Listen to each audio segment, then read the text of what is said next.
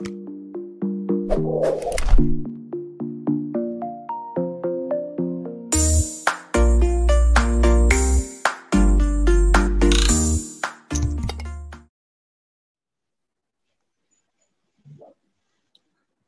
bahagia kerabat desa Indonesia. Pagi ini kita kembali ke poin desa.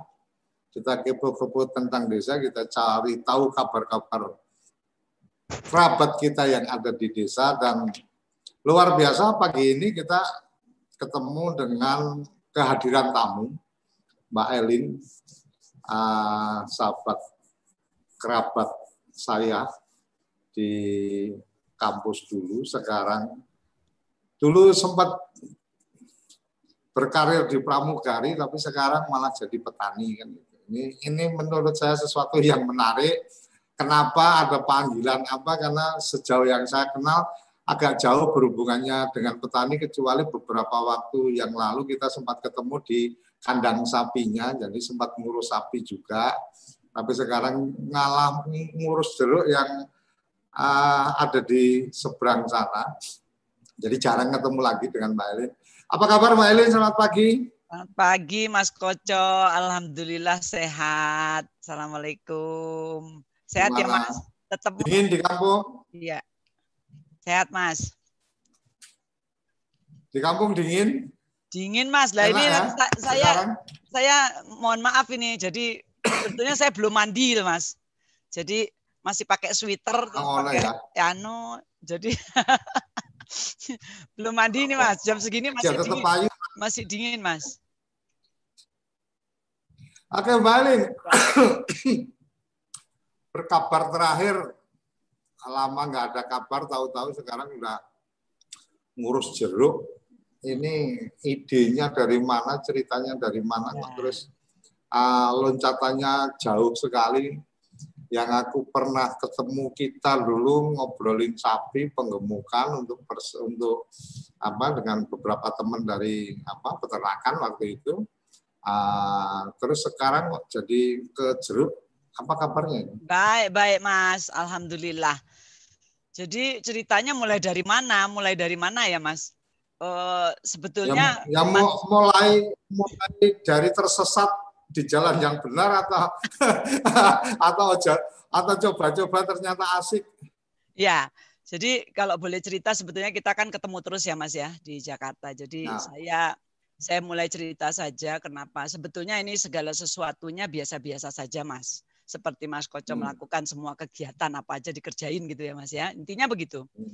Nah, uh, startingnya sebetulnya ya mengalir begitu saja dalam perjalanan hidup bahwasanya dua tahun terakhir saya mendapat lompatan yang luar biasa dari Tuhan. Itu intinya ya. Hmm. Jadi uh, dua tahun ini tepat mungkin dua tahun nanti tanggal 30 September saya melompat melompat sendirian. Kebetulan hmm. ada cerita tentang uh, kematian uh, seorang yang sahabat saya di ya. dunia ini ya suami saya kebetulan nah aktivitas biasa saja lalu lompatan itu saya lakukan pada saat itu apa yang harus saya lakukan pada saat uh, sendiri menentukan hmm. sendiri tidak punya teman dan sebagainya bukan berarti saya bersedih tapi malah saya saya pikir it's finished with my husband gitu ya sudah selesai nah so saya harus harus harus melakukan sesuatu yang membuat siapa pun bangga terhadap diri saya. Nah, Selanjutnya saya memutuskan ada satu yang lompatannya itu ada satu uh, trigger sebetulnya karena kebetulan di desa ini tinggallah seorang ibu-ibu saya. Ya kan? Hmm. Ya selama sekian puluh tahun saya merantau ikut suami sebagai secara aturan formal formatnya kan harus ikut suami lah.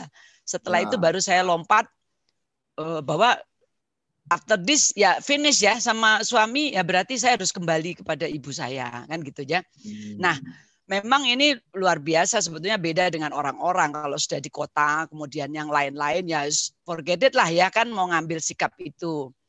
Lalu saya tanpa tanpa berpikir panjang saya kira eh, yang terbaik adalah itu pilihan saya saat itu dan disetujui oleh anak-anak saya. Itulah lompatannya Mas Koco pendeknya. Lalu saya ke desa, boyong ke desa. Ceritanya gitu ya, desa yang memang tempat kelahiran orang tua saya, bukan kelahiran saya, jadi ke tempat kelahiran orang tua saya, tanah leluhur saya gitu. Nah, hmm. ini uh, dua tahun berjalan, mungkin satu tahun dari awal starting saya sudah berpikir saya harus ngapain. Tapi mindsetnya langsung dirubah bahwasanya aku nek neng desa, nih bahasa Jawa sorry ya campur-campur. Hmm. Nah neng desa berarti saya harus jadi orang bukan jadi orang desa, tapi saya harus melakukan aktivitas desa. Nah hmm. di desa ini formatnya saya kira Mas Koco juga sudah tahu, formatnya sederhana sebetulnya. Every day doing something kan itu ya. Setiap hari nah. melakukan kegiatan. Nah, hmm. kegiatannya sama, kegiatannya adalah bertani. Even itu orang kantor juga berpikirnya ini di desa, berarti bertani, berarti kebunnya kudu diurus gitu ya.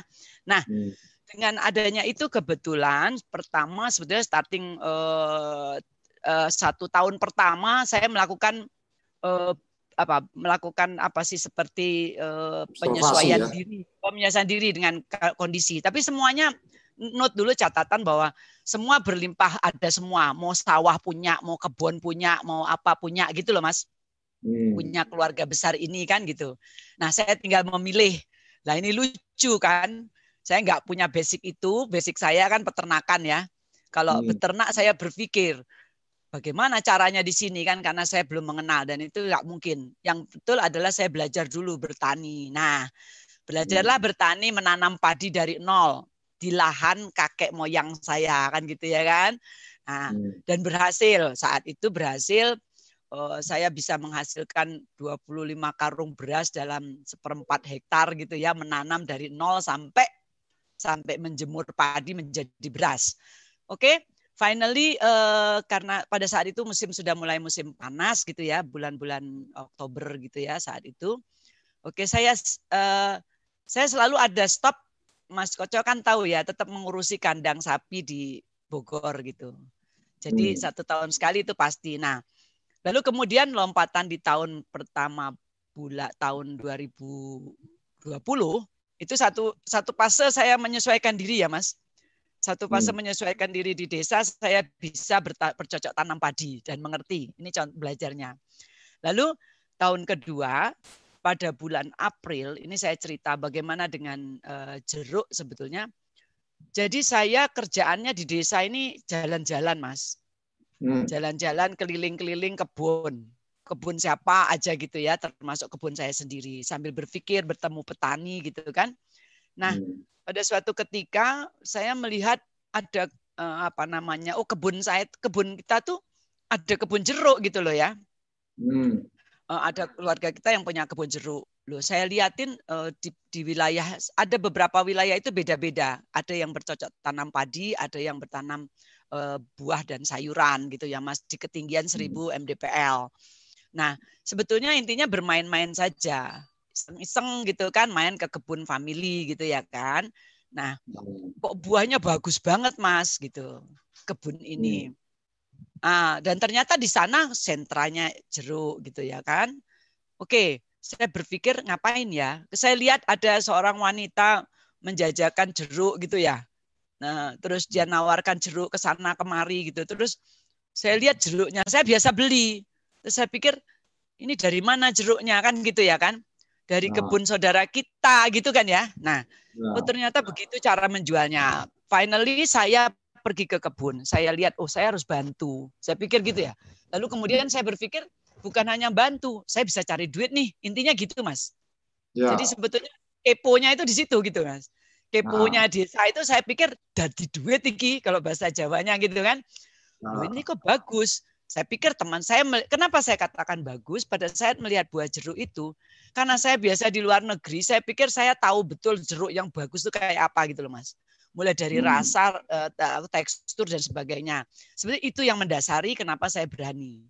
Kalau jeruk Medan, sorry to say, maaf kepo desa, bukan saya tidak menganggap gitu ya, tapi artinya gini, jeruk lokal yang eh, apa namanya bisa di, dilihat bahwa ini kok kualitasnya seperti yang di luar negeri gitu loh, Mas. Hmm.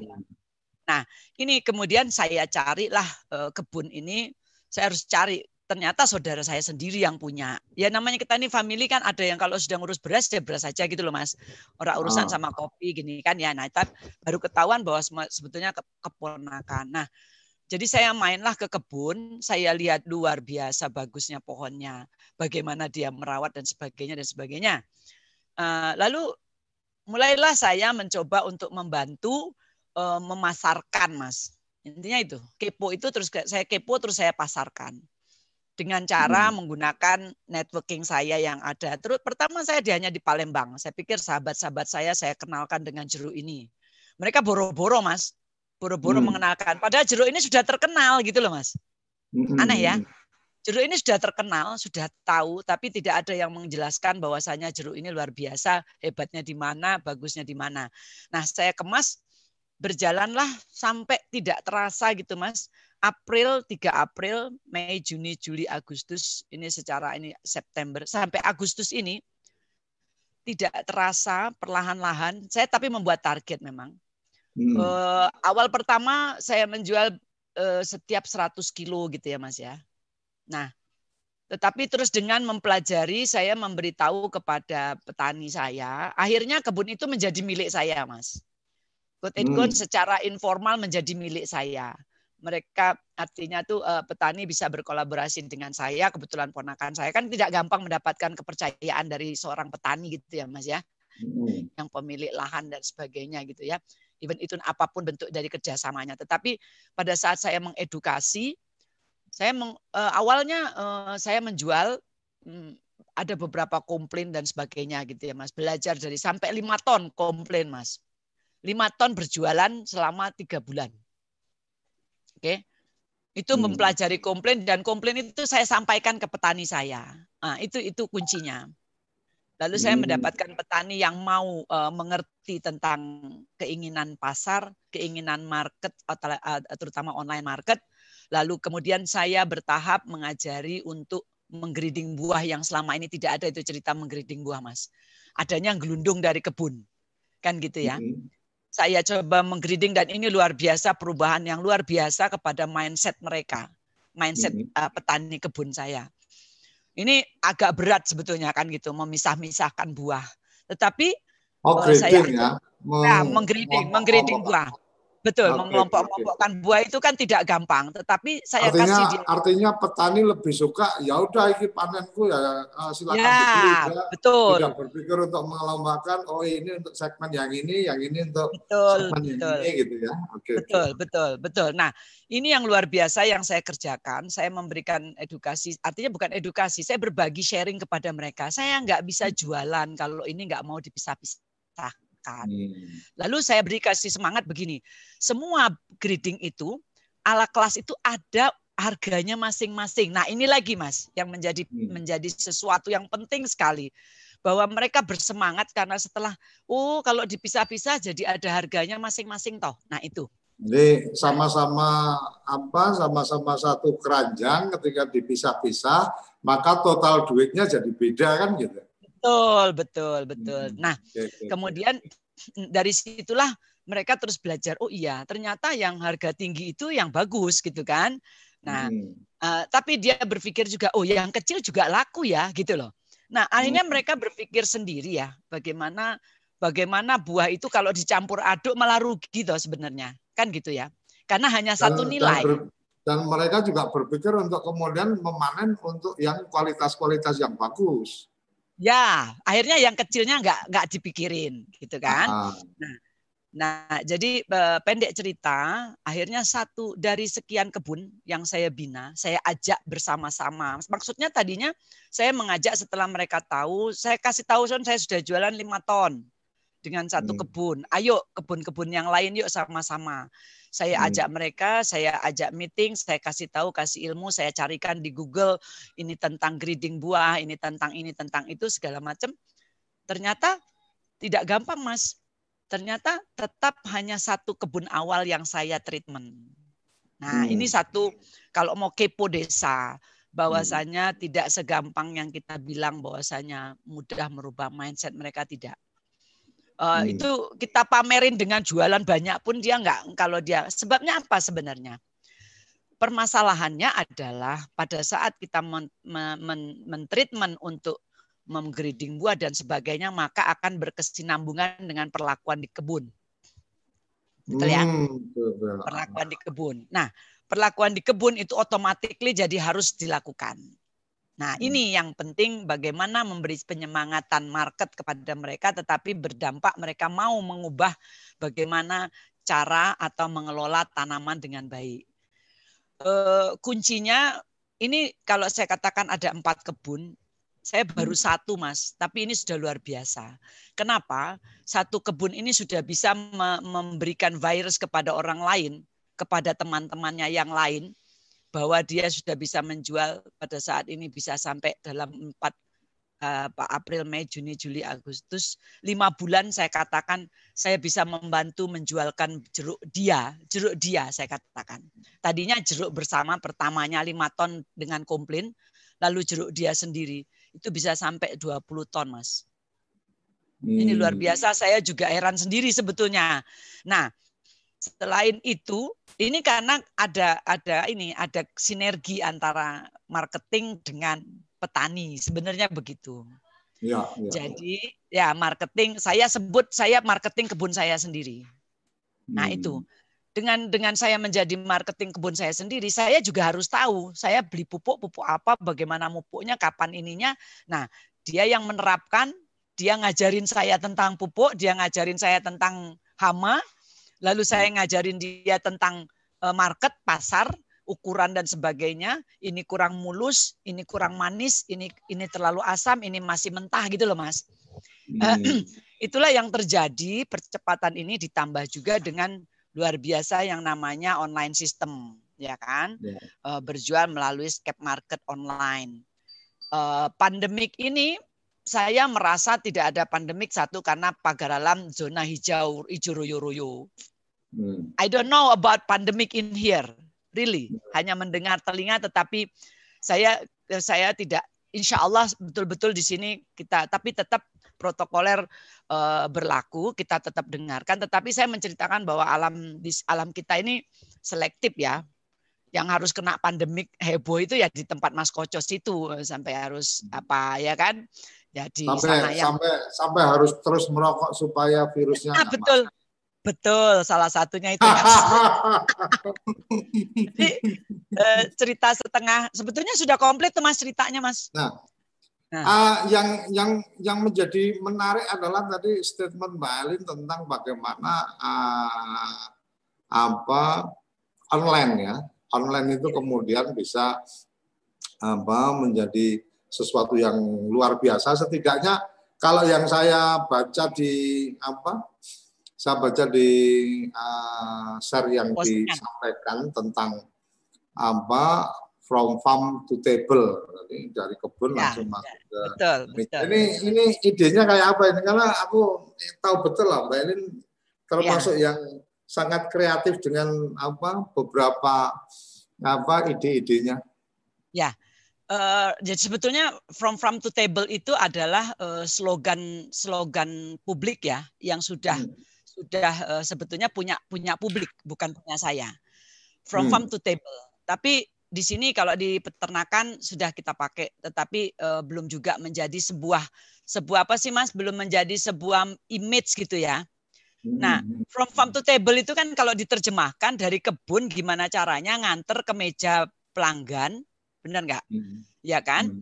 Artinya from time to table itu bisa disiapkan dengan cara online. Ya enggak? Okay. Ya kan? Nah, hmm. apa ada dari kebun terus dibawa jalan kaki gitu, jalan-jalan jalan taruh di meja. Nah, sebenarnya hmm. itu from farm to table itu adalah dari kebun sayur-sayuran itu masuk ke restoran. Itu maksudnya secara publik. Tapi saya hmm. terjemahkan from farm to table untuk saya, jeruk saya petik Hmm. Jeruk saya putih fresh tanpa diapa-apakan setelah uh, semua perawatannya juga dengan uh, tanpa bebas bebas uh, pestisida gitu ya. Nah, hmm. saya petik dari batangnya hanya saya diamkan sebentar untuk mensortir dan sebagainya lalu langsung saya kirim dengan saya kemas-kemas sampai ke rumah. Nah, hmm. itu dengan harga segitu bisa sampai di depan rumah dia gitu, sampai di meja dia. Nah, oleh karena itulah saya sebut bisa, sangat bisa petani tidak perlu harus melalui uh, tidak perlu harus bingung bagaimana caranya. Tetap ada faktor-faktor ekonomi, transportasi, and so on and so on. Tetapi bagaimana seorang Elin maksud saya di kebun, saya hmm. sebagai petani, sahabat petani atau pemilik kebun lah dan sebagainya. Saya bisa bersilaturahmi seolah-olah saya ini dekat sekali sama mereka gitu loh Mas. Padahal hmm. jaraknya ratusan kilo. Hmm. Setelah jeruk saya bilang saya petik hari ini ya, jadi teman-teman itu eh, apa pelanggan saya itu seolah-olah ngikutin proses saya ngapain di kebun sini gitu loh Mas. Hmm, nah, okay, okay, okay. gitu, ya kan? Jadi hmm. sebentar ya, saya tak mupuk dulu. Besok saya panen, panen. Oke, saya panen. Oke, open order ya, open order saya panen besok. Nah, mereka tahu betul bahwa hari itu saya panen.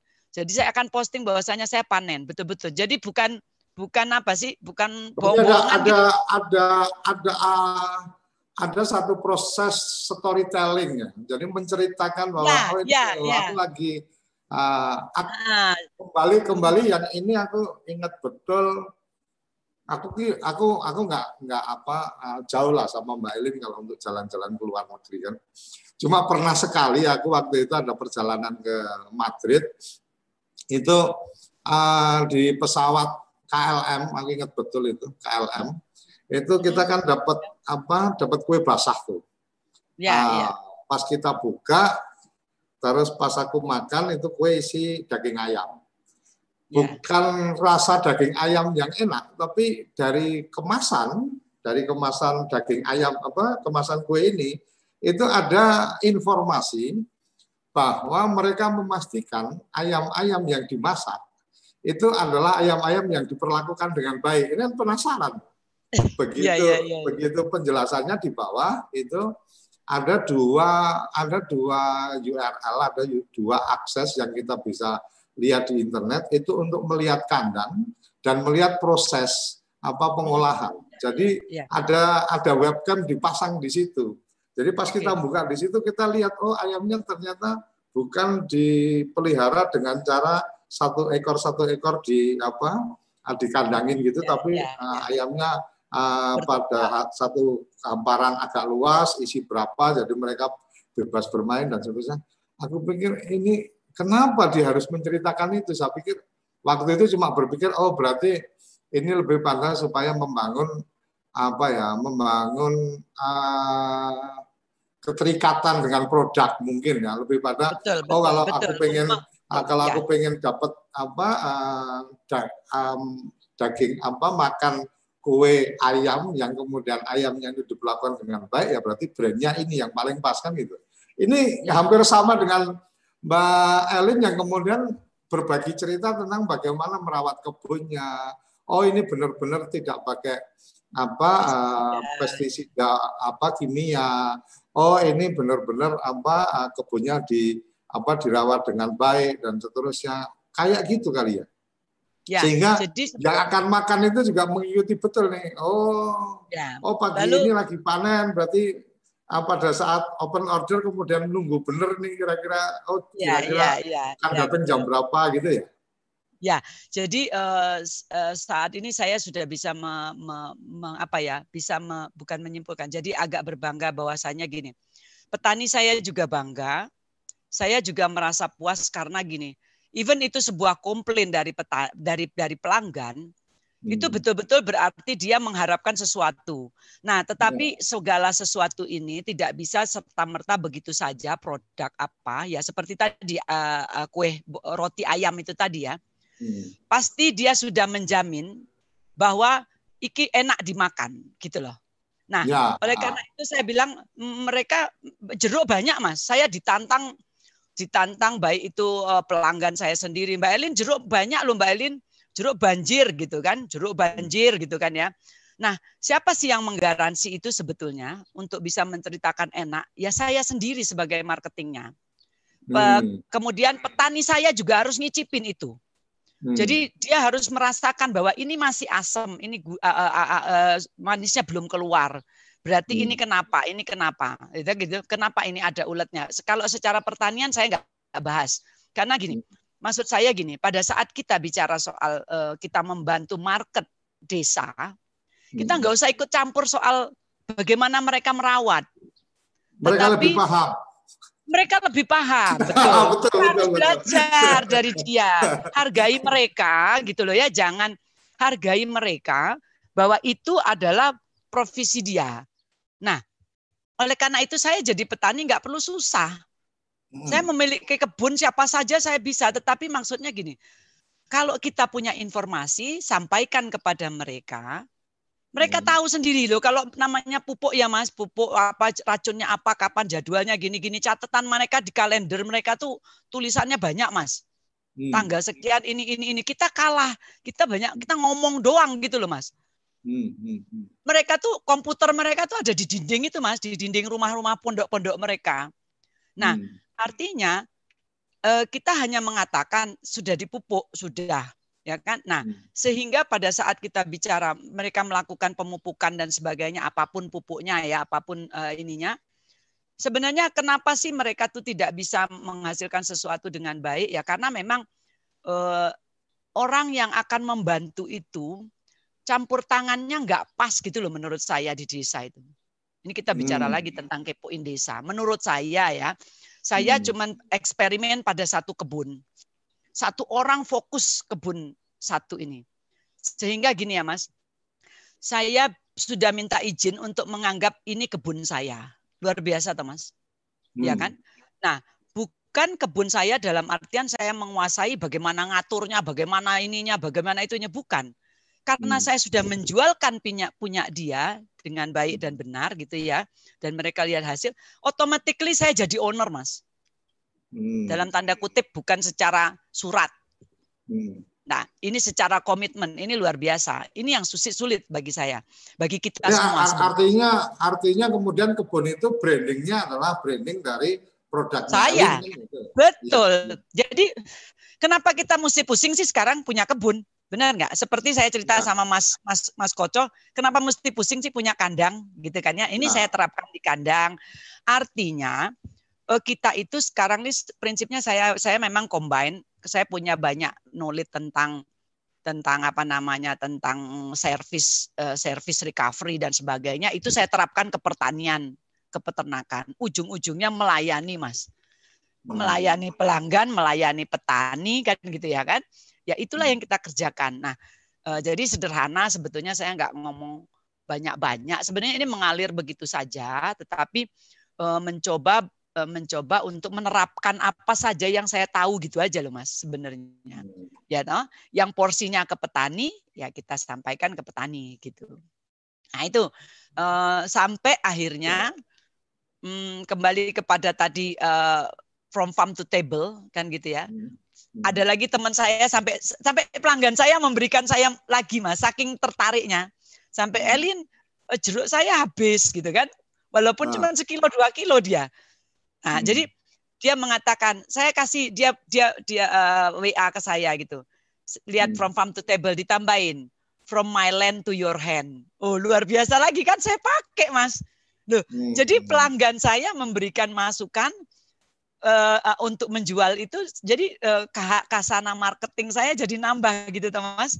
Nah, ah, from my land to my hand to your hand gitu kan tambahan seperti itu. Nah, uh, kuncinya memang untuk membantu ya itu tadi kembali lagi seperti yang dilakukan Mas Koco adalah memang secara online itu ya ini menjadi kantor kita maka selalu harus melakukan yang namanya posting, yang namanya itu memang diperlukan dalam dalam apa cara marketing yang sekarang ini terjadi dalam masa pandemik ini. Mau tidak mau itu harus. Sehingga Mas, saya yang sebetulnya eh, apa sih gaptek banget gitu ya Mas ya. Terpaksa saya harus belajar dari anak-anak remaja, saya belajar dari keponakan saya. Ini kalau bikin ini kayak apa? Bikin foto pakai poster maker segala macam aplikasi itu jadi jadi saya belajar ya lihat sendirilah postingannya kan kalau orang ngerti lucu-lucu karena saya nggak ngerti caranya jadi tetapi saya berusaha. Nah, hal ini nggak usah dibebankan ke petani maksudnya kan begitu. Nah, nah ada ada harus, ada bagiannya masing-masing gitu ya. Nah, betul. Jadi jadikanlah petani itu menjadi seorang yang memang ada di kebun sebagai produsen. Ini yang hmm. yang perlu kita kita sampaikan kalau kita kepo desa. Jadi Oke, okay, Melin, kita tahan dulu, kita akan ya. apa rehat sejenak. Kita nanti akan lanjutkan bagaimana okay. sebenarnya uh, peran apa kita bisa mengambil peran, bagaimana kemudian tantangan digital hari ini, tantangan media sosial hari ini yang sangat luar biasa, yang suka tidak suka kita harus go digital itu kemudian ya. apa bisa menyelesaikan beberapa problematika uh, uh, petani dan bisa uh, membantu meningkatkan kesejahteraan petani. Jangan ke mana-mana, tetap di Kepoin ya. Desa. Kamu tinggal di pulau terpencil, pegunungan pinggiran kota, atau daerah di Indonesia yang tidak terjangkau jaringan fiber, ADSL, dan juga 3G. Internetan dengan cepat pasti cuma akan menjadi mimpi. Mau pakai tol langit, pakai desa wifi, kunjungi www.desawifi.id. Ayo, kandidat kepala daerah, manfaatkan kesempatan ini. TV Desa mengundang Anda bicara desa. 5 menit bisa. Bicara Desa sebuah program tayangan monolog konsep membangun dari desa dari kandidat untuk masyarakat. 5 menit bisa bicara desa. Hanya di TV Desa. Oke, kembali lagi di Kepoin Desa. Kita akan lanjutkan obrolan tadi. Menarik sekali ketika kemudian uh, kita mencoba mengambil peran yang kemudian tidak sok tahu, tidak kemudian menggurui kepada teman-teman petani yang memang dia sudah ada apa menjalani apa hari-harinya ya sebagai petani. Paling kita hanya memberi bisa memberikan advice bisa memberikan artinya uh, peningkatan kapasitas peningkatan pengetahuan ya tapi bahwa eksekusinya kita uh, berharap bahwa mereka ya enjoy untuk kemudian melakukan perubahan apa perilaku apa pemeliharaan tanamannya, perubahan apa perilaku proses uh, panen dan seterusnya gitu kan. Ini lebih pada kemudian bagaimana saya melihat Mbak Elin mengambil peran yang sangat bagus sekali untuk kemudian menjadi apa marketing. Ya. Artinya ketika kita bicara uh, konvensional atau yang sudah berjalan secara umum mungkin dari petani ada yang jual langsung ke konsumen ya langsung dibawa ke pasar dan seterusnya, tapi ada juga yang kemudian ada tahapan ke pengepul, kemudian ke apa eh, masuk ke pasar dulu di kota, kemudian uh, dari pasar Indo masih ke distribusi dan seterusnya. Tapi ini uh, membawa dari petani sampai ke meja apa konsumen ini menurut saya sesuatu yang luar biasa dan Tadi Mbak Elin sudah menyampaikan tentang pemanfaatan media digital, pemanfaatan media online dan seterusnya. Mbak Elin bisa berbagi cerita. Uh, sekarang ini promo atau uh, penjualannya menggunakan media online, menggunakan marketplace atau menggunakan sosial media atau apa? Atau semua dipakai? Jadi Uh, Oke, okay. sebenarnya ini saya sedih nih Mas Koco kalau urusan kayak gini nih, sebab hmm. sangat saya merasa bahwasanya sangat terbatas. Saya ngiri kepada misalnya lihat orang posting gitu ya, dia bisa hmm. bikin ini, bikin itu gitu. Tetapi bagi saya sesederhana ini saja saya sudah bisa menjual, apalagi uh, lebih dari itu gitu ya. Tetapi hmm. saya juga tidak punya pengen juga berpikir saya bisa jadi seperti seperti Tokopedia dan sebagainya, karena itu sudah marketplace-nya beda sendiri. Jadi uh, artinya gini, from farm to table bagi saya, saya prinsipnya kan kepo desa. Hmm. Artinya prinsipnya bagaimana caranya kalau misalnya uh, saya menggunakan pertama uh, tadi pertanyaannya saya menggunakan medianya hanya statusnya WA. Lalu Instagram, Instagram saya yang laman itu saja gitu kan ya. Laman hmm. story sama laman itu, kemudian uh, saya pakai Facebook secara umum karena dari dulu juga hmm. saya pakai Facebook dan hmm. semuanya efektif. Sesuai umur lah. Kalau ya, Facebook ya, sesuai, sesuai umur lah. Ya apa whatever orang saya nggak ngerti tingkatannya apa Facebook itu hebatnya di karena anak-anak kita kan tahu gua nggak pakai Facebook lagi, gue pakai tetap pakai Twitter dan sebagainya. Saya nggak ngerti itu ya. Hmm. Tetapi hmm. saya paham bahwasanya Twitter apa ini. Nah, saya baru bisa menggunakan secara sederhana yang saya bisa dengan mengaktifkan status WA saya, hmm. ya kan, WhatsApp, status WhatsApp saya. Lalu apa sebenarnya yang saya saya bisa simpulkan sekarang? Eh, posting ya Mas, ini lagi-lagi untuk yang namanya from farm to table. Posting itu hanya sekedar kita mengetahui siapa yang melihat, menurut saya ya, melihat postingan kita. Nah, selanjutnya yang menjadi berhasil menurut saya adalah bagaimana kita bisa menyentuh mereka langsung secara private. Nah, itu yang dilakukan.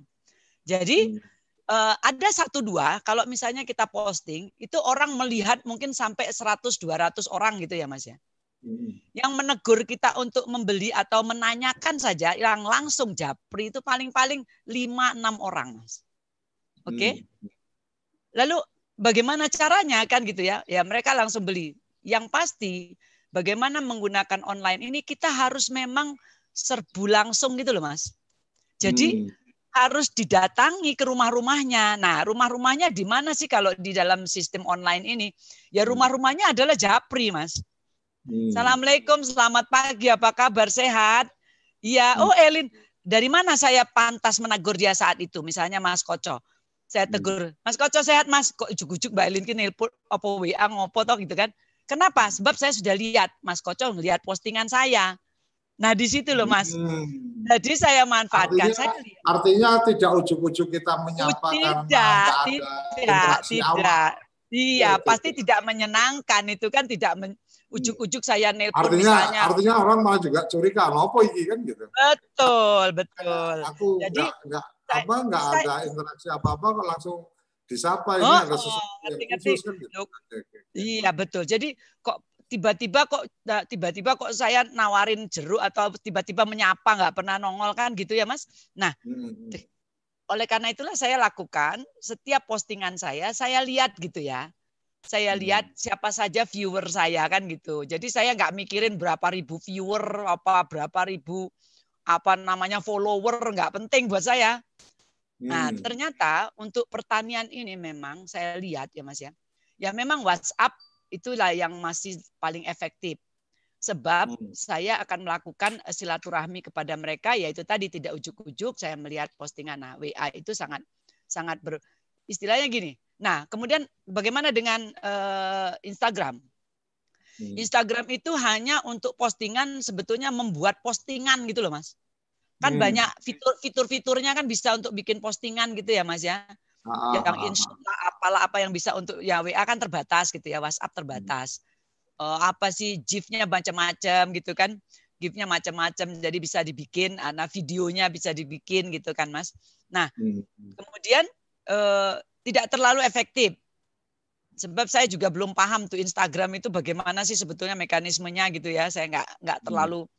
bagaimana sih orang tuh terjangkau sama kadang-kadang di dia apa namanya DM ya di DM nah orang ini di DM saya pikir dia aktif tapi di DM nggak nyaut nyaut nggak balas-balas hmm. lah sebenarnya dia nih aktif di mana sih gitu ya nah itu wow. yang jadi mas mungkin ini lebih bertanya saya kepada Mas Koco yang ahlinya kalau Facebook itu seluruh dunia kayaknya ngelihat saya gitu hmm. jadi uh, seluruh dunia mengatakan saya ngikutin Facebook kamu gitu kan karena Facebook saya aktif gitu ya Mas hmm. ya macam-macam aja di situlah sehingga uh, Facebook lumayan, tetapi untuk untuk penjualan memang caranya adalah memang kita harus sampai saya mendapatkan reseller-reseller saya gitu ya Mas ya. Sekarang ini saya terbantukan oleh luar biasa. Reseller itu hanya pembeli yang hanya 3 kilo. Nah, hmm. di sini saya mau cerita Mas, bagaimana jeruk ini bisa mengembangkan uh, apa, uh, penghasilan kepada margin yang segitu, sekecil itu dari petani jadi sampai uh, uh, uh, from farm to table itu maknanya besar, Mas. Hmm. Jadi berapa banyak perekonomian yang jalan karena saya, quote and quote, hmm. karena saya jualan jeruk. Ini yang penting bagi kita semua sebetulnya yang saya sampaikan kepada Mas. Kepoinlah desa, lalu buatlah sesuatu yang membuat perekonomian bergerak. Hmm. Jadi sudah beberapa orang yang terbantukan oleh saya di masa pandemik ini mendapatkan uh, apa namanya value dari uh, uh, saya memasarkan jeruk sang petani. Elin is nothing. Elin bukan siapa-siapa, nggak ada apa-apa. Tapi ternyata saya sudah punya reseller yang menjual lebih besar dari saya. Tapi saya hmm. tidak pernah berhenti juga menjadi menjadi reseller juga gitu loh mas. Saya menjadi marketing juga. Uh, sehingga saya membuat. Kenapa sih saya bikin? Saya buat eh, apa namanya target penjualan itu misalnya harus 100 kilo sampai Jakarta. Ya ini hmm. hitungannya perekonomian lagi ya Mas, ekonomis ya masalahnya supaya teman saya yang di Jakarta itu mendapatkan uh, nilai. Mendapatkan nilai dari mana Mas? Jadi gini Mas ya prosesnya. Dari kebun saya petik, saya mendapatkan harga kebun. Ini saya cerita dulu Mas supaya nanti di mana masuknya tentang ya itu tadi yang tentang uh, online-nya itu. Semuanya dilakukan secara online Mas. Hmm. Monitoringnya dari online semuanya. Jadi semuanya hmm. baik pun gitu ya. Nah, uh, sampai petaninya saya ajarkan harus punya m banking, saya harus punya uh, bank. Ya, jadi hmm. semuanya seperti itu. Nah, uh, tidak ada uang cash seperti biasanya di kebun itu kan cash cash ya, Mas. Ya. Saya bisa menerapkan dengan adanya seperti ini, saya bisa menerapkan mereka tidak dia tidak nerima cash, Mas. Kami sudah hmm. tidak sudah tidak dengan cash. Ini luar biasa, Mas. Luar biasa. Hmm. Salah satu uh, ciri dari kultur petani kan adalah uang cash. Hmm. Makanya duitnya habis terus, Mas. Ya kan? Nah, hmm. ini satu yang saya terapkan. Kemudian eh, bagaimana itu prosesnya jadi jeruk dipetik ya, Mas. Dipetik kemudian transportasi yang sangat minim di sini, Mas. Transportasi di sini sangat minim. Saya ikut jualan jeruk sampai ke Jakarta itu, sampai ke Jateng itu pakai bis penumpang, Mas. Hmm. Ya. Nah, bis penumpang itu di sini coba bayangkan dari Pagarala mau ke Jakarta mau ngapain, Mas? Nggak ada penumpangnya wong pandemik, ya toh. Dengan adanya jeruk, jadi muatan busnya itu jeruk, Mas. Hmm. Ini satu. Jadi jadi sangat terbantukan kan dia dengan saya masukkan peti jeruk jadi penumpang gitu, Mas. Nah, itu. Hmm. Satu itu kemudian. Kemudian sampai di Kampung Rambutan, jeruk saya ditangkap sama sahabat saya yang kehilangan pekerjaannya. Dia punya mobil harus di harus di apa namanya? harus dicicil. Ya kan? Hmm online dia nggak dapat. Saya bilang kamu mau puterin jeruk saya supaya jeruk saya aman sampai rumah, Mas. Jadi hmm. Kenapa saya buat 100 kilo? Supaya saya bisa menyewa mobilnya dia untuk dia antarkan setenaganya, sak bensinnya, sak dianya gitu mas. Oke? Okay? Hmm. Siapa semua yang bayar itu? Yang bayar pelanggan mas. Per 100 nah. kilo, per 100 kilo secara kolektif. Nah ini terbantukan lagi mas. Bayangkan seorang teman saya itu satu, saya menjaga buah saya nggak hilang di jalan. Jadi buah itu setelah turun di Jakarta naik mobil keliling hmm. Jakarta, Mas, diantar oleh satu orang. Hmm. Nah, nomor telepon itu kan bisa saya share kepada pelanggan-pelanggan saya. Lo ketok hmm. pintu sudah betul-betul diantarkan sampai rumahnya. Orang itu terbantu satu. Nah itu mas, semua monitoringnya, semua uh, trustnya pakai online semua mas, baik pun semua. Hmm. Jadi uh, membayar dia pakai online, pakai uh, apa m-banking, kemudian ada kekurangan atau monitoringnya. Jadi saya di sini tetap tetap monitor sejabodetabek. Nah, beruntungnya memang marketingnya ini orang Jabodetabek. Jadi pada hmm. saat uh, driver saya yang nganterkan itu salah jalan kan saya protes. Betul gitu, Mas. Oh. Jadi ini kelebihannya sih, kelebihan saya ada di sini tuh mungkin tidak banyak yang sanggup. Oleh karena itu maksud saya teman-teman yang di Jakarta mbok ya ke desa. Hmm. Ya toh, effortnya luar biasa gitu loh. Maksud saya itu bahan baku yang mau dijual ada, lalu eh, kita punya pengalaman besar di kota besar ya kan punya peta roll apa mapnya road mapnya kan punya Thomas ya sudah hmm. toh nomor telepon kita punya semua ya sudah jadi duit mas gitu kira-kira. Dan petani terbantukan dengan from farm to table. Sebetulnya tujuan yang, saya pengen yang yang hari ini berarti logistik masih menggunakan jasa transportasi di bus itu atau sudah ada apa jaringan logistik yang apa di uh, layanan logistik yang di apa dijadikan belum. masih belum belum belum, belum bisa karena uh, harga terlalu mahal jadi yang termurah masih menggunakan transportasi itu. Uh, kalau hmm. saya menggunakan uh, sebutlah misalnya JNE atau apa atau apa itu belum bisa. Saya sudah pernah bekerja sama dengan uh, Citylink. Saya sudah hmm. membuat harga sebetulnya untuk petani dengan Citylink. Ya sayangnya kan uh, saya harus uh, siapa yang harus mengelola barang saya di sebetulnya saya itu butuh perpanjangan tangan saya di wilayah Jawa, Jawa Tengah gitu ya Mas ya Hmm. Kemudian Jabodetabek saya sudah punya gitu ya. Nah artinya tuh hmm. saya perlu perpanjangan tangan di sana yang bisa mendapatkan hasil dari jeruk ini. Sebetulnya begitu gitu loh. Ada lapangan hmm. kerja yang bisa diciptakan. Nah, Jateng saya sudah saya sudah bikin uh, karena untuk menjaga buah itu. Hmm. Uh, tapi buah saya itu sudah saya eksperimenkan bahwasanya bisa bertahan sampai dua minggu. Kenapa saya berani jualan? Karena saya tahu kualitas uh, buah saya. Berapa? Dua minggu?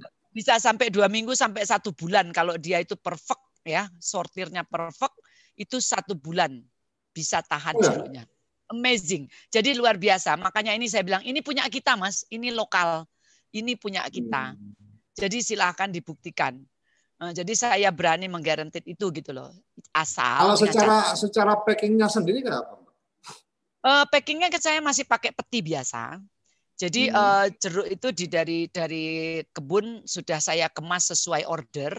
Jadi satu hmm. kilo, lima kilo, tiga kilo saya packing, saya kemas pakai jaring buah. Lalu kemudian hmm. supaya di sana tinggal bagi gitu loh mas. Jadi hmm. yang di hmm. Jakarta tinggal bagi.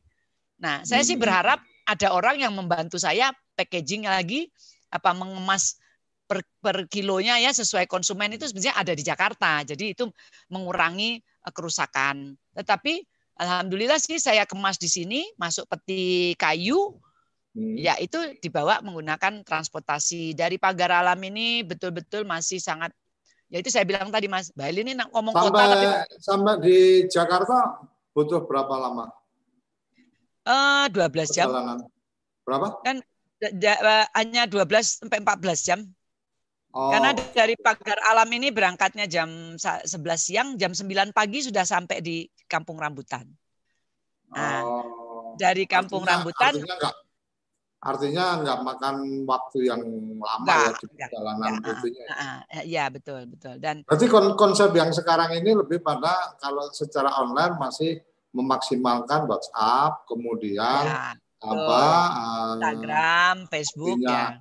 Uh, untuk berbagi ceritanya masih menggunakan apa di uh, di status uh, WhatsApp juga ya, kemudian ya, ya, ya. uh, ad, konsepnya berarti PO ya open open ya. order ya open order open ya order open untuk order. Uh, untuk kapan di apa ya, kemudian ya. disiapkan langsung dari uh, panen hari itu dikirim ya. kemudian benar-benar taruh kata ya plus berapa jam itu uh, setelah panen sudah di konsumen gitu ya Betul, betul, betul. Jadi ya. ini ini ini nilai nilai lebihnya atau nilai yang coba disampaikan adalah seperti itu bahwa um, brand brandnya apa mbak brandnya mbak? Brandnya itu uh, eh, JGP sebetulnya. Brandnya itu JGP, JGP. tapi hmm. pakai gambar jeruk di tengahnya, gitu ya. hmm. ya. Kan jeruk gergah pagar alam itu kan sebetulnya bukan bukan sesuatu yang uh, branding karena itu kan memang jeruk gergah. Jadi saya kasih tahu dulu jeruk, jeruk gergah ini. Gergah. Gergah. Gergah. Gergah. Hmm. Ya. Hmm. Gergah itu nama Bapak Pak Gergah namanya. Jadi varietasnya adalah Rimau Gergah Lebong RGL. Kalau di searching RGL itu kepunyaan dari Provinsi Bengkulu sertifikasinya. Hmm. Ya. Okay. Nah, pagar alam ini hanya empat jam dari Bengkulu, daerah pegunungan, tujuh jam dari Sumat dari kota Palembang. Jadi dia lebih dekat ke Bengkulu. Oleh karena itu secara cara pertanian kan biasa. Petani itu kan dari daerah mana pindah ke sini ditanam di mana gitu kan Mas. Ya seperti hmm. Temanggung ke ke mana gitu kan misalnya ke hmm. ke daerah Dieng misalnya gitu kan. Nah kira-kira seperti itu. Nah jadi mereka berga, mencoba mencoba menanam di sini. Ternyata hasilnya menurut saya taste-nya itu hmm. memang kualitasnya menjadi lebih baik gitu loh. Ya kan? Hmm. Bukan yang sana jelek tapi menjadi lebih baik. Jadi karena karena te, karena topografinya, topografinya ya. ya. Kemudian pemupukan dan sebagainya itu sama, tapi karena tanahnya di ketinggian di pegunungan ternyata lebih baik jeruk ini gitu loh Mas. Nah, oleh karena itulah hmm. saya memberanikan diri setelah saya mencoba sampai 20 ton lebih, saya kira saya sudah sanggup. Saya memberanikan diri menambah kebanggaan kepada petani. Hmm. Dengan dia sudah memberikan saya eh, apa sih Mas?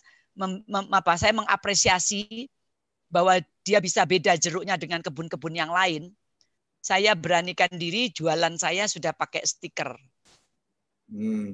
Per 17 Agustus saya 17 Agustus kemarin sebetulnya saya nggak ada yang muji tapi saya muji-muji diri saya sendiri gitu loh ya Mas ya dengan petani hmm. saya. Saya buatlah monumentalnya adalah saya membuat stiker yang tak pesen dewe gitu loh Mas. Tak hmm. karang-karang dewe gitu kan ya. Saya tempelin di jeruk dia dan dilihat bagus. Ya sudah kenapa tidak? Saya mau eh, jeruk lokal pakai tempelan kenapa? Boleh kan gitu.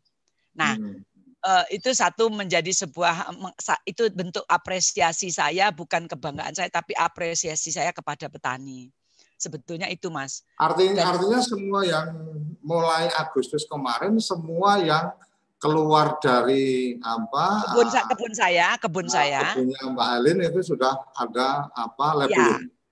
Ya, Berarti betul. itu sebagai satu apa istilahnya uh, uh, bukti quality kontrolnya memang sudah ya, dilakukan. Ya, betul, betul, betul. Jadi kan banyak jeruk gergah kan banyak ya Mas ya. Ya itu tadi yang saya pikir. Uh, saya ngomong sama uh, sama pelanggan saya atau siapa pun yang berkomentar gitu. Hmm. Saya kepingin ini sama dengan jeruk impor, bukan jeruk lokal.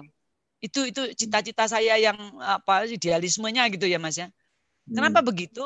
Saya sudah makan jeruk impor semua jeruk impor sudah saya makanin. Nah, hmm. artinya dia boleh jejer sama jeruk impor. Nah, masalah sekarang tinggal bagaimana eh, apa sih stakeholder atau siapa pun yang berkecimpung di pertanian nggak bisa ngandelin kebun saya. Tapi kebun saya salah satu yang saya anggap saya akan terus begitu gitu loh Mas, membuat dia. Kenapa begitu? Jeruk itu ya Mas, bisa hmm. puluhan tahun berbuah. Bayangkan. Bayangkan. Saya itu ada, cukup, tapi ada musimnya kan, Mbak? Atau uh, uh, sebetulnya sekarang sudah tidak dianggap buah musim karena dia kan bisa kita atur berbuah terus dengan pemupukan dan perawatan. Oh, Jadi okay, okay, okay. jeruk bukan kayak duren gitu loh, dipupuk masih hmm. tetap nggak mau buah mengikuti musimnya. Jeruk tidak begitu. Jeruk ternyata bisa berbuah, kita tahan pemetikannya dengan segala macam treatment ya, bisa dianggap hmm. dia bisa rutin terus berjualan. Nah, artinya bayangkan, artinya petani bisa mengatur atau membuat apa kondisi betul, bahwa betul, betul. everyday pun uh, butuh jeruk kita bisa petik ya. dari kebun. Ya betul. Memang di dalam secara secara alamiahnya ada musim-musim puncak tertentu gitu kan ya. Artinya ada ada, ada panen rayanya, tetapi ya ada panen raya. Tapi kita bisa bikin nggak usah ngikut-ngikut panen raya, mas. Yang penting kan bagaimana kontinuitas petani berjualan terus gitu loh. Iya kan? Hmm pada saat nggak ada pun dia tetap bisa jualan. Bagaimana caranya? Inilah marketnya yang sebetulnya yang yang menjadi sebuah uh, keberhasilan menurut saya. Kalau ikut jual bareng-bareng ya itu tadi harga kan dia kontrol pasar kan gitu kan itu. Ya, nah, ya, ya, ya. jadi saya pikir satu kebun saja saya nggak habis mas anunya apa namanya artinya stok saya, hmm, gitu ya. Okay. Artinya uh, secara elin yang uh, membantu petani nggak usahlah banyak-banyak kebun gitu. Ya silahkan diterjemahkan bagaimana apa yang saya lakukan ini bisa menjadi inspirasi atau apalah sebutannya bukan inspirasi tapi yuk ada yang mau niru gitulah kira-kira gitu bukan inspirasi lah uh, ada ada lagi orang yang gila kayak saya gitu maksud saya gitu loh Mas Koco ya kan ada yang gila tapi secara saya. secara bisnis tetap menarik kan buat Mbak Elin oh iya jelas dong Oh ini, ada perputaran ini, ini kan bukan kerja sosial. Ini bukan, bukan kerja sosial. Betul, betul. Jadi bayangkan, kita katakan saja gini, bagaimana saya sudah bisa membuat petani berhitung harga dasar kebun. Hmm. Itu bisa saya tes, hmm. saya ditantang sama distributor besar di Jakarta dengan kualiti hmm. yang luar biasa tingginya, kemudian dengan harga yang begitu rendahnya menurut pasar umum, ya kan namanya juga hmm. distributor yang mengelola lagi. Saya tantang, saya ditantang, saya ikutin. Hanya memang hmm. kapasitas hmm. saya tidak bisa memenuhi permintaan dia saat ini. Tetapi saya sudah hmm. menjalin dan saya belajar banyak dari seorang distributor yang keras luar biasa. Bagaimana harga itu. Nah, dari harga distributor itulah saya bisa bukan menekan kebun. Saya suruh kebun berhitung. Dengan harga hmm. paling rendah, bagaimana kamu memupuk, bagaimana kamu mengurus buah, bagaimana kamu ini, ini, ini, semuanya masuk enggak? Nah itu mas. Nah, bagi saya sebagai orang yang cari duit terus tiap hari gitu ya, harapannya begitu berproduktif berproduktif. Ada marginnya, kenapa tidak? Jadi apa yang dibayar dari kita, Mas? Saya katakan. Marginnya adalah yang kita dapat adalah servis. Maka karena saya ini orang kerja di servis, hidup saya mungkin hampir setengah hidup saya melayani, termasuk berjual buah juga melayani. Jangan kita menjadi kepingin harga kebun punya kita gitu mas. Kebun hmm. sudah punya hak sendiri. Nah hmm. yang kita dapat apa sih sebetulnya? Ini tadi loh mas, yang online sistem dan sebagainya ini ini yang kita lakukan pelayanan kita kepada petani dan sebagainya. Berapa sih kalau Mas Cokoco kan orang ekonomi, margin hmm. untuk jasa itu cuma berapa sih? Gak boleh lebih dari enam persen ya Mas kalau nggak salah. Bener nggak? Hmm. Setuju nggak? Itu ekonomi katanya begitu kalau bisnis. Ya. ya. Ada ya kan? ada hitungannya ter, ada hitungannya nah, tergantung services yang kita ya, berikan. Ya, tapi ya maksudnya gini loh Mas, tidak bisa menganggap bahwasanya seorang Elin harus menguasai ya oh, kan? Ya. Nah, itulah yang menjadi kita malas gitu loh Mas, malas melakukan sesuatu dan tidak kepo sama pertanian. Hmm. Karena itu Mas, sebetulnya ini saya mau bicara itu sebetulnya arahnya bukan bicara nilai nominalnya atau ininya bukan, tapi saya mau bicara kenapa tidak tidak menarik, ya kan? Hmm. Padahal kita bermainnya dalam kuantiti. Nah, bagaimana sih kita menjualkan kuantiti punya petani? Kan kita harus bekerja keras untuk petani. Ya, betul. Petani itu nanam. Artinya memang kalau bicara produk jeruk itu quote unquote berarti kan fast move artinya apa iya, iya, uh, perputaran iya. yang tinggi sehingga memang kita nggak bisa bermain di angka-angka apa uh, ya, margin, besar, margin, margin gitu kan. hanya bisa bermain apa apa mau di tiga apa mau di enam kan gitu iya okay. boleh nggak ya iya Oke, okay, mungkin eh, nggak uh, terasa ini sudah sampai di penghujung, nggak ngobrol-ngobrol sudah sa, apa 60 menit. Closing statement Mbak Elin, di samping ya. beberapa ya. catatan tadi saya apa tangkap satu tentang bagaimana memaksimalkan apa yang sudah ada di kita, uh, sosial media WA uh, satu opsi yang luar biasa memang dan sekarang juga ada WA bisnis dan seterusnya itu bagian yang uh, mungkin uh, saya pernah melakukan apa satu uh, program atau satu konten apa belajar bareng tentang beberapa aplikasi dan seterusnya.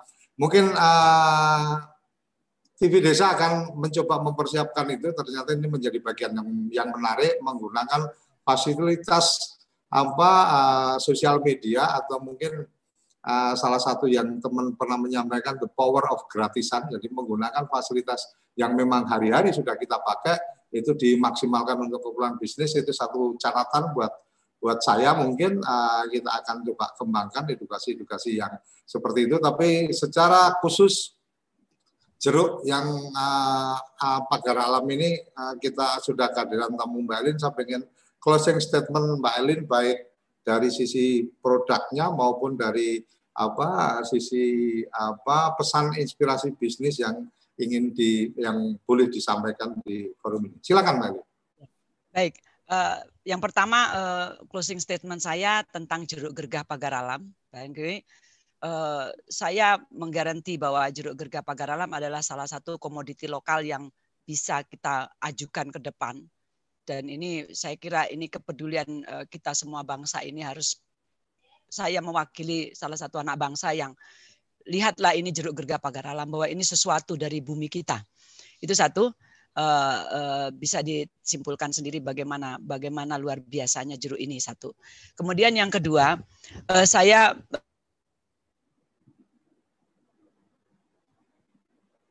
mungkin bentuk inspirasinya adalah bahwasanya tidak ada masalah. Artinya membantu petani di sisi uh, di sisi di sisi lain yang bukan kaitannya dengan dengan apa namanya di, di, dengan uh, apa namanya di sisi bukan bukan pertanian secara secara ininya tapi lebih di sisi marketingnya itu yang bisa kita lakukan tetapi dengan cara kita belajar juga dengan petani yang ketiga adalah Yuk mari kalau ngajarkan ke petani bagaimana caranya uh, uh, apa menggunakan digital saat ini. Kalau mau uh, kepoin desa bahwa desa itu perlu digital, yang perlu dibantu adalah orang-orang yang mau melaksanakan. Jadi petani nggak usah disuruh berdigital-digital kecuali m-banking dan sebagainya. Tetapi ada banyak orang-orang yang perlu perlu menjadi sebuah apa menjadi seperti saya. Maksudnya begitu Mas, sederhananya. Hmm mari hmm. mari eh, manfaatkan baik itu di Jakarta di mana pun posisi kita kita bisa menjadi berperan bersama petani satu dua tiga kita lihat ke kebun tapi kita tahu potensinya eh, mari kita bantu mereka digital itu ada di tangan kita gitu loh mas Hmm. Dan berapa ribu manusia yang banyak potensi itu maksud saya menjadikan uh, petani itu biarkan mereka menjadi produsen, menjadi pekerja yang baik di petani sehingga kita yang melakukan aktivitas uh, market buat mereka. Itu yang saya maksudkan. Saya kira saya kira itu saja Mas. Uh, mudah-mudahan ya itu yang bermanfaat ya mudah-mudahan apa yang saya sampaikan gitu. Oke, terima kasih Mbak Elin untuk waktunya ya. pagi-pagi ini. Kita sudah gangguin, kita kepo-kepo tentang bisnis uh, Mbak Elin yang di bersentuhan langsung dengan petani. Kerabat desa uh, kita akan selalu hadir, semoga selalu hadir tiap hari Senin sampai Jumat pukul 8 sampai pukul 9 pagi. Dan kita akan mengundang tamu-tamu istimewa, tamu-tamu inspiratif, tamu-tamu yang bisa uh, menjadi tempat kita untuk kemudian uh, belajar pengalaman-pengalaman mereka. Karena pengalaman adalah guru terbaik tetapi tidak harus kita yang melakukan kita belajar dari pengalaman mereka-mereka yang sudah sukses juga menjadi bagian yang penting untuk kita apa bisa mendapatkan manfaat. Sampai di sini salam bahagia kerabat desa Indonesia sampai berjumpa di episode selanjutnya. Terima kasih.